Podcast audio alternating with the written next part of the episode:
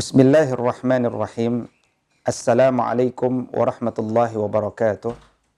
Alhamdulillahi rabbil alamin. Wa bihi nasta'inu ala umuri dunya wad din. Ashhadu an la ilaha illallah wa ashhadu anna Muhammad Rasulullah. Allahumma salli ala sayyidina Muhammad sayyidil mursalin wa ala alihi wa sahbihi ajma'in amma ba'du. Sahabat iDream yang mudah-mudahan dimuliakan oleh Allah Subhanahu wa taala. Kita manusia adalah ciptaan Allah Subhanahu wa taala. Kita adalah makhluk dan Allah sang pencipta adalah Khalik. Sebagai makhluk maka kita memiliki akhlak kepada sang Khalik. Dan di antara akhlak kita sebagai seorang makhluk atau di antara adab kita sebagai seorang makhluk adalah memanfaatkan waktu yang diberikan oleh Allah Subhanahu wa taala yang terbatas di atas dunia ini dengan semaksimal mungkin sehingga kita kelak dikembalikan kepada Allah Subhanahu wa taala dalam kondisi yang terbaik dibandingkan ketika awal pertama kali kita berada di atas dunia ini. Oleh karenanya Al-Qur'an sebagai makdubah hidangan yang mengajarkan membimbing kita kepada adab itu mengajarkan, membimbing kita untuk mengakhiri kehidupan di muka bumi ini dalam kondisi yang terbaik. Sehingga seorang manusia, dia wajib memiliki target. Apa target utamanya dalam kehidupan dunia ini? Karena secara umum, ketika seorang manusia memiliki target akhir dalam kehidupan di dunia ini, maka pastilah dia akan menyusun target-target menengah atau jangka menengahnya. Kalau seseorang itu sudah punya target jangka menengah, maka seseorang itu akan memiliki target jangka pendek atau mungkin dalam bentuk target harian. Maka ketika seseorang itu telah memiliki target-target harian, maka dia pun akan menyusun program-program kerja dalam kehidupannya untuk mensukseskan target jangka pendeknya, target jangka menengahnya, maupun target jangka panjangnya sosok-sosok manusia yang memiliki target dalam kehidupannya, dia akan menjalani kehidupan ini dalam penuh kesibukan sambil berzikir kepada Allah Subhanahu wa taala. Dan itulah yang diinginkan oleh Allah Subhanahu wa taala agar manusia ini sentiasa berada di dalam kesibukan. Tidak pernah ada waktu untuk mengosongkan pikiran. Bahkan ketika salat seorang muslim pun dituntut untuk senantiasa memfokuskan perhatiannya, memfokuskan jiwanya, berkhulwat berdua-dua hanya kepada Allah Subhanahu wa taala. Kalau ditanya, apa targetmu dalam kehidupan di muka bumi ini? Bagaimana akhir daripada kehidupanmu di muka bumi ini? Maka kita pun teringat bahwa minimal ada dua tujuan manusia ini diciptakan oleh Allah Subhanahu wa taala. Yang pertama adalah aspek yang terkait kepada Allah Subhanahu wa taala dan yang kedua adalah aspek terkait tentang kehidupannya di tengah dunia ini. Aspek tujuan manusia diciptakan di muka bumi ini dalam kaitannya kepada Allah Subhanahu wa taala dapat kita lihat dalam Quran surah Az-Zariyat surat ke-51 ayat ke-56. Ketika Allah Subhanahu wa taala berfirman wama khalaqtul jinna wal insa illa dan tidaklah aku ciptakan jin dan manusia kecuali untuk beribadah kepada Allah Subhanahu wa taala. Maka ibadah sesuatu yang mudah itu hendaknya menjadi target dalam kehidupan kita dalam pengertian seluruh amal yang kita hadirkan hendaklah dia bernilai ibadah dan sebuah amal bernilai ibadah ada satu rumusnya. Sebagaimana dialah ayat yang pertama dalam tertib Al-Quranul Karim yang mengandung 6236 ayat itu di mana diawali dengan ayatnya yang mulia Bismillahirrahmanirrahim. 19 huruf tersusun untuk menjadi indikator bagi kita, instrumen bagi kita Apakah ketika kita memilih sebuah amal, pantas tidak amal itu diawali dengan kalimat basmalah? Kalau dia pantas dan hati kita kemudian nyaman, maka mudah-mudahan dia dijadikan ibadah kepada Allah Subhanahu wa taala. Maka kata Nabi Shallallahu alaihi wasallam, satu amal yang dia tidak diawali dengan basmalah, maka amal itu akan terputus daripada keberkahan. Tentu sahabat kita ingin seluruh amal-amal kita berada di dalam keberkahan yang banyak dari Allah Subhanahu wa taala. Maka kemudian tujuan pertama dalam kehidupan di muka bumi ini kita telah dapatkan. Di samping itu, Allah Subhanahu wa taala juga firmankan di dalam Quran surah Al-Baqarah surat kedua ayat ke-30. Ketika Allah Subhanahu wa taala berfirman, "Wa iz rabbuka lil malaikati inni ja'ilun fil ardi khalifah." Wahai malaikat, Allah Subhanahu wa taala pernah ber menyampaikan kepada para malaikat bahwa Allah hendak menciptakan seseorang di muka bumi ini untuk menjadi khalifah bersama seluruh keturunannya. Dialah Nabi Adam alaihissalam. Ma makna khalifah? Apa maknanya khalifah? Abdullah ibn Abbas radhiyallahu taala anhu mengatakan khalifah adalah pengganti. Ketika Allah Subhanahu wa taala telah menciptakan bumi dan seisinya ini, Allah tentu maha menghidupkan, maha kuat, maha mengokohkan untuk menjaga dan merawat bumi ini. Tapi Allah punya iradah, Allah punya kehendak untuk kemudian menjadikan sosok manusia bersama pasangannya, bersama keturunan yang dilahirkan dari keduanya untuk merawat dan menjaga bumi ini atas nama Allah Subhanahu wa taala. Maka bermakna setiap manusia ketika terlahir di muka bumi ini dia hendaknya menjadi generasi yang terus menggantikan generasi-generasi sebelumnya di dalam merawat bumi ini dari berbagai kerusakan. Mencegah perbuatan manusia yang ingin berbuat kezaliman di atas muka bumi ini. Dan ini bermakna manusia tidak boleh menyendiri. Manusia ini bermakna dia harus berkumpul di tengah masyarakat. Manusia ini bermakna harus senantiasa ber, ber menyatu dengan masyarakat. Memberikan warna Allah Subhanahu wa taala kepada masyarakat.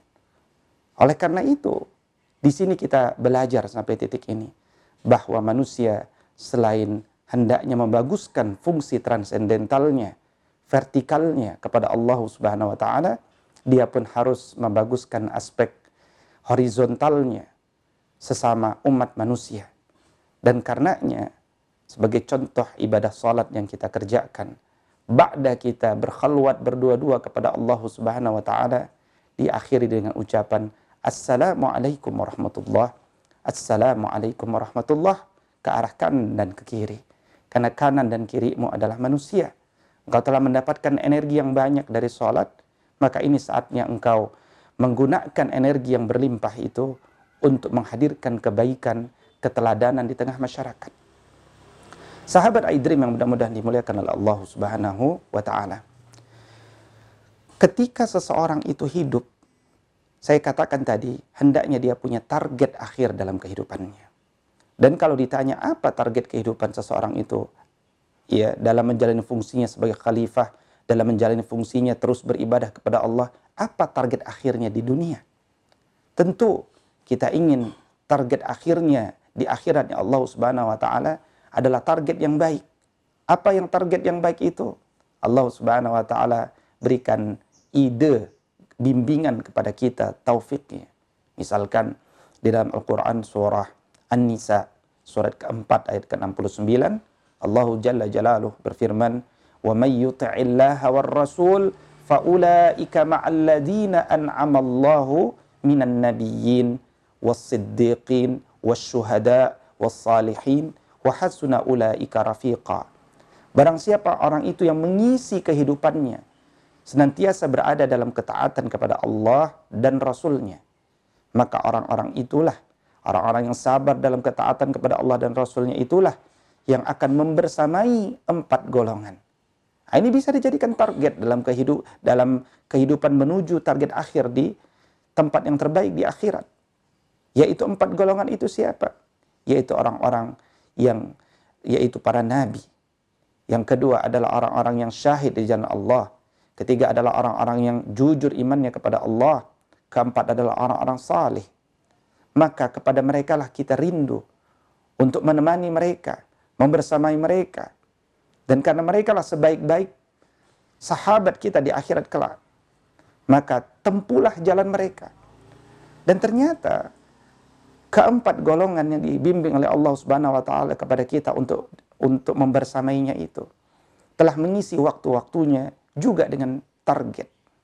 Makanya Nabi Muhammad sallallahu alaihi wasallam dalam banyak nasihatnya sebagaimana nasihat ini juga disampaikan oleh Nabi Ibrahim alaihissalam dan keturunannya dari kalangan anbiya. Kata Nabi sallallahu alaihi wasallam atau Allah Subhanahu wa taala berfirman, "Ya ayyuhalladzina amanu taqullaha haqqa tuqatih wa la tamutunna illa wa antum muslimun." Wahai orang-orang beriman, bertakwalah kalian kepada Allah dan janganlah kalian mati kecuali dalam kondisi berislam. Islam adalah sesuatu yang mahal. Islam hendaklah sesuatu yang kita jaga. Senantiasa memasrahkan diri kita kepada iradah ilahiyah kehendak Allah Subhanahu wa taala. Dan ini akan menjadi panduan pegangan bagi kita. Sehingga Nabi wasallam pun mendeskripsikan secara lebih detail, menjabarkan lebih detail bagaimana sempurnanya seseorang yang mati dalam kondisi muslim itu. Misalkan dalam sebuah pesannya Nabi Shallallahu alaihi wasallam mengatakan man akhiru kalamihi la ilaha illallah dakhalal jannah. Barang siapa yang akhir daripada kalimatnya adalah La ilaha illallah. Kalimatut tayyibah. Tidak ada ilah yang berhak disembah dengan benar kecuali Allah. Maka orang itu pasti masuk ke jannahnya Allah subhanahu wa ta'ala. Ini juga bisa menjadi target akhir bagi kita. Kita ingin akhir dalam kehidupan kita adalah mudah mengucapkan kalimat La ilaha illallah. Kita ingin ketika kita menjelang sakaratul maut, tidak ada kalimat yang terakhir bisa kita ucapkan kecuali kalimat la ilaha illallah. Tapi bagaimana mungkin kita bisa berakhir dengan cita-cita seperti ini? Kecuali karena keseharian kita, karena target jangka menengah dan target jangka pendek kita, dan melahirkan program kerja, kita hidup karena kalimat itu. Kita membiasakan zikir dengan kalimat itu. Bahkan puncaknya istighfar kita pun kalimat itu. Allahumma anta rabbi la ilaha illa anta khalaqtani wa ana abduka wa ana ala ahdika wa wa'dika mastata'tu. A'udhu bika min syarri ma sana'tu. Abu'u laka bi ni'matika alayya wa abu'u bi dhanbi faghfirli fa innahu la yaghfiru dhunuba illa anta. Kalau itu yang menjadi keseharian kita, mudah-mudahan sahabat, kita dimudahkan bersama apa yang menjadi kebiasaan kita. Karena dia bukanlah dibuat-buat. Karena dia bukanlah sesuatu yang kemudian dilakukan karena kemudian terpaksa. Tapi karena dia telah menginternalisasi dalam jiwa kita. Berikutnya Nabi Shallallahu Alaihi Wasallam juga mengatakan, yamutunna ahadukum illa wa huwa yuhsinu dhanna billahi ta'ala. Janganlah kalian mati kecuali sedang berprasangka baik kepada Allah Subhanahu wa taala. Ini target akhir. Dengan demikian, bagaimana mungkin seseorang itu bisa wafat dalam kondisi sedang berprasangka baik kepada Allah Subhanahu wa taala kecuali dalam kesehariannya, dalam seluruh ujian yang dia terima, baik dalam bentuk kenikmatan, dalam bentuk kesulitan, dalam bentuk apa pun yang didahulukan olehnya adalah sifat untuk berprasangka baik kepada Allah. Dia yakin betul skenario Allah telah berlaku pada seluruh apa yang dia alami di muka bumi ini. Dan itu semuanya baik baginya. Apa pun yang diberikan oleh Allah kepada kita adalah baik di atas ikhtiar yang telah kita perjuangkan di atas muka bumi ini. Sahabat, banyak dari kalangan orang-orang soleh terdahulu, apalagi di kalangan sahabat, yang juga menginginkan wafat dalam kondisi syahid di jalan Allah. Sebagaimana tadi Kita angkat dalam Quran surat An-Nisa ayat ke-69. Bagaimana di antara sahabat yang terbaik, satu dari empat sahabat yang terbaik itu adalah asyuhada. Orang-orang yang syahid di jalan Allah Subhanahu wa taala. Sehingga kemudian banyak di antara mereka yang merindukan mati dalam kondisi syahid. Bagaimana mati dalam kondisi syahid itu? Mati dalam kondisi wafat di medan jihad. Tapi bagaimana jika kita berada di sebuah negara yang belum terbuka pintu jihad itu? Jika kita belum dibukakan pintu jihad, maka tetaplah bersabar. Tetaplah mempersiapkan diri kita agar tatkala pintu jihad itu dibuka, kita bukanlah sosok-sosok pengkhianat negara. Pengkhianat bangsa, apalagi pengkhianat Allah Subhanahu wa taala. Kita bukanlah sosok-sosok yang tidak siap untuk berjihad. Kita bukanlah sosok-sosok yang berlari ke belakang dari medan pertempuran. Sehingga kita punya program kerja. Ketika pintu jihad itu belum dibuka, maka apa yang kita lakukan sebagai bagian dari program kerja yang otomatis muncul, yaitu senantiasa mempersiapkan diri kita dan inspirasi ini diberikan, dibimbing oleh Allah Subhanahu wa taala dalam Al-Qur'an surah Al-Anbiya ayat ke-23 ketika Allah katakan minal mu'minina rijalun sadaqu ma ahadullahu alaihi فمنهم من قضى نحبه ومنهم من ينتظر وما بدلوا تبديلا di antara orang-orang beriman ada seorang di antara mereka atau sekelompok di antara mereka yang betul-betul jujur imannya kepada Allah Subhanahu wa taala. Meskipun pintu jihad itu belum pernah dibuka kepada mereka, mereka senantiasa mempersiapkan diri dan jiwa mereka, ilmu mereka, dan selama itu mereka tidak pernah merubah niat mereka. Kita lihat misalkan dalam kisah seorang sahabat yang bernama Khalid bin Al-Walid. Khalid bin Al-Walid Beliau ini sangat menginginkan wafat di medan jihad. Berbagai pertempuran telah dia lalui, baik sebagai pimpinan merang, perang maupun sebagai prajurit. Berbagai bekas-bekas dalam pertempuran itu terlihat langsung di dalam pada tubuh-tubuhnya. Tapi kalau Allah Subhanahu wa taala belum berkehendak bagi seseorang itu untuk wafat di medan jihad, maka dia tidak akan terjadi. Dan seorang Khalid Al-Walid radhiyallahu taala anhu yang mulia itu semoga Allah meridhoinya justru kemudian ditakdirkan oleh Allah Subhanahu wa taala untuk wafat di atas uh, pembaringan dalam kondisi sakit. Dan bagi seorang mujahid wafat dalam kondisi di atas pembaringan adalah wafat yang sangat menghinakan. Maka kemudian beliau menangis. Kenapa Allah tidak kabulkan doanya? Tapi beliau tetap menjaga prasangka baik dia kepada Allah Subhanahu wa taala. Spirit untuk wafat sebagai seorang syuhada ini adalah satu inspirasi yang luar biasa. Dia inspirasi yang tinggi, dia kematian yang paling mulia.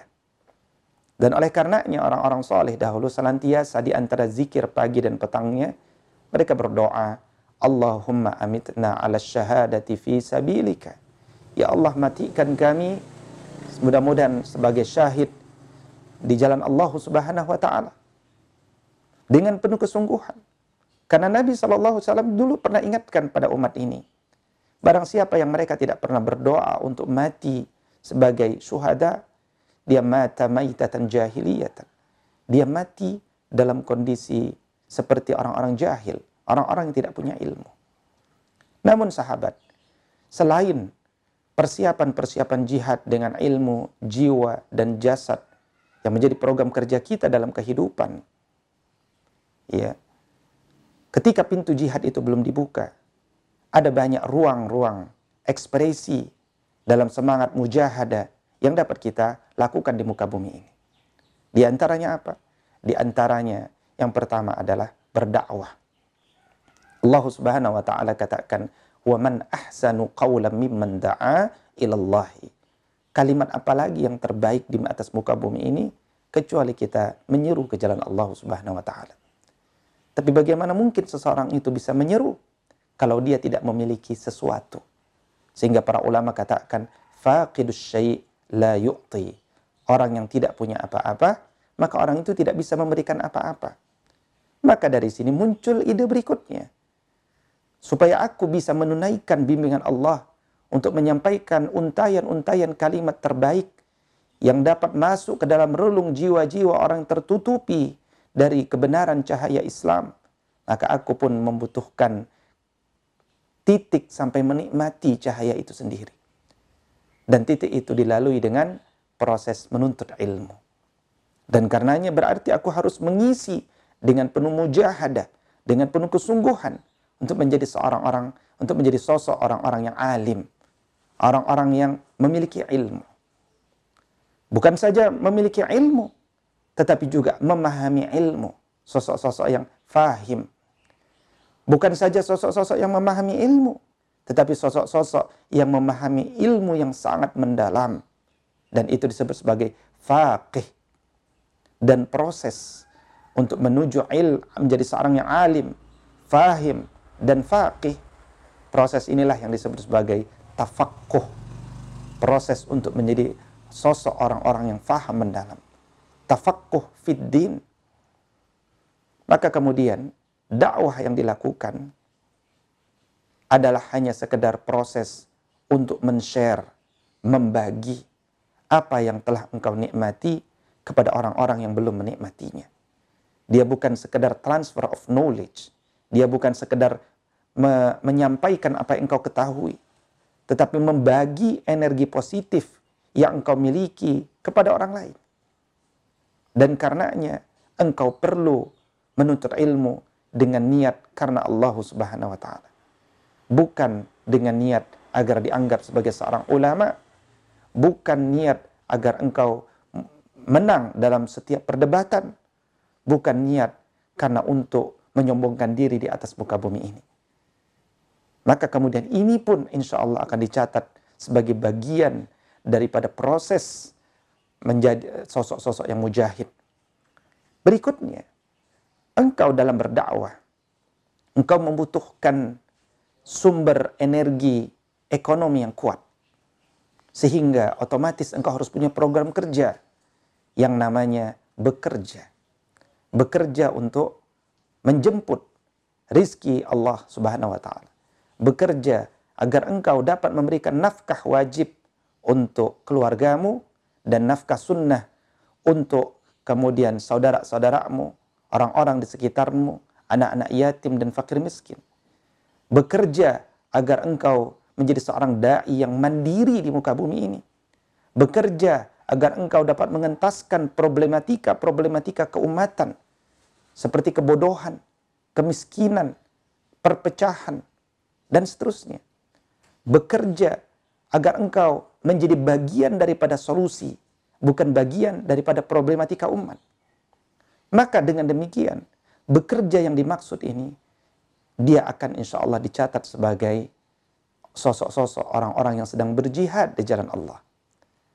Kelelahanmu, gerak tanganmu, gerak kakimu di muka bumi ini untuk tujuan-tujuan yang mulia dengan penuh semangat pengorbanan juga akan dicatat oleh Allah Subhanahu wa taala dalam kondisi orang-orang yang sedang berjihad di jalan Allah. Dan ini medan lapangan yang sangat luas. Berikutnya, setiap manusia dituntut untuk melakukan perjalanan ke berbagai negeri, ke berbagai wilayah, ke berbagai daerah. Safar-safar yang penuh keberkahan safar-safar yang dengan tujuan mulia.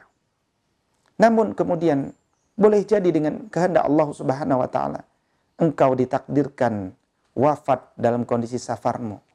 Mungkin dalam kondisi berada di dalam pesawat, pesawatmu jatuh ke dalam lautan. Mungkin engkau kemudian masuk dalam bencana longsor, engkau tertimpa reruntuhan. Dalam proses perjalananmu menuju Allah Subhanahu wa taala. Maka matimu dalam kondisi hal-hal yang kami sebutkan di atas pun disampaikan oleh Rasulullah wasallam dicatat sebagai seorang syuhada. Ini menunjukkan bahwa niat adalah sesuatu yang sangat penting untuk dihadirkan dalam seluruh amal-amal kita. Niat yang dilanjutkan kemudian dengan untayan ayat pertama dalam Al-Quran yaitu Bismillahirrahmanirrahim. Karena Nabi SAW mengatakan innamal a'malu bin niyat wa innama likulli mri'in ma nawa. Sesungguhnya segala sesuatu itu bergantung kepada niatnya. Dan sesungguhnya segala sesuatu itu dikembalikan kepada apa yang telah dia niatkan. Oleh karenanya, membaguskan niat dalam semangat menjadi seorang mujahid menuju kematian yang mulia di atas muka bumi ini, yaitu dicatat sebagai bagian daripada kalangan syuhada, adalah sebuah keniscayaan sahabat. Maka jangan lunturkan niat itu. Selalu perbaharui niat kita. Selalu kita perbaharui komitmen kita untuk iltizam fi tariq dakwah. Komitmen berada di atas jalan dakwah.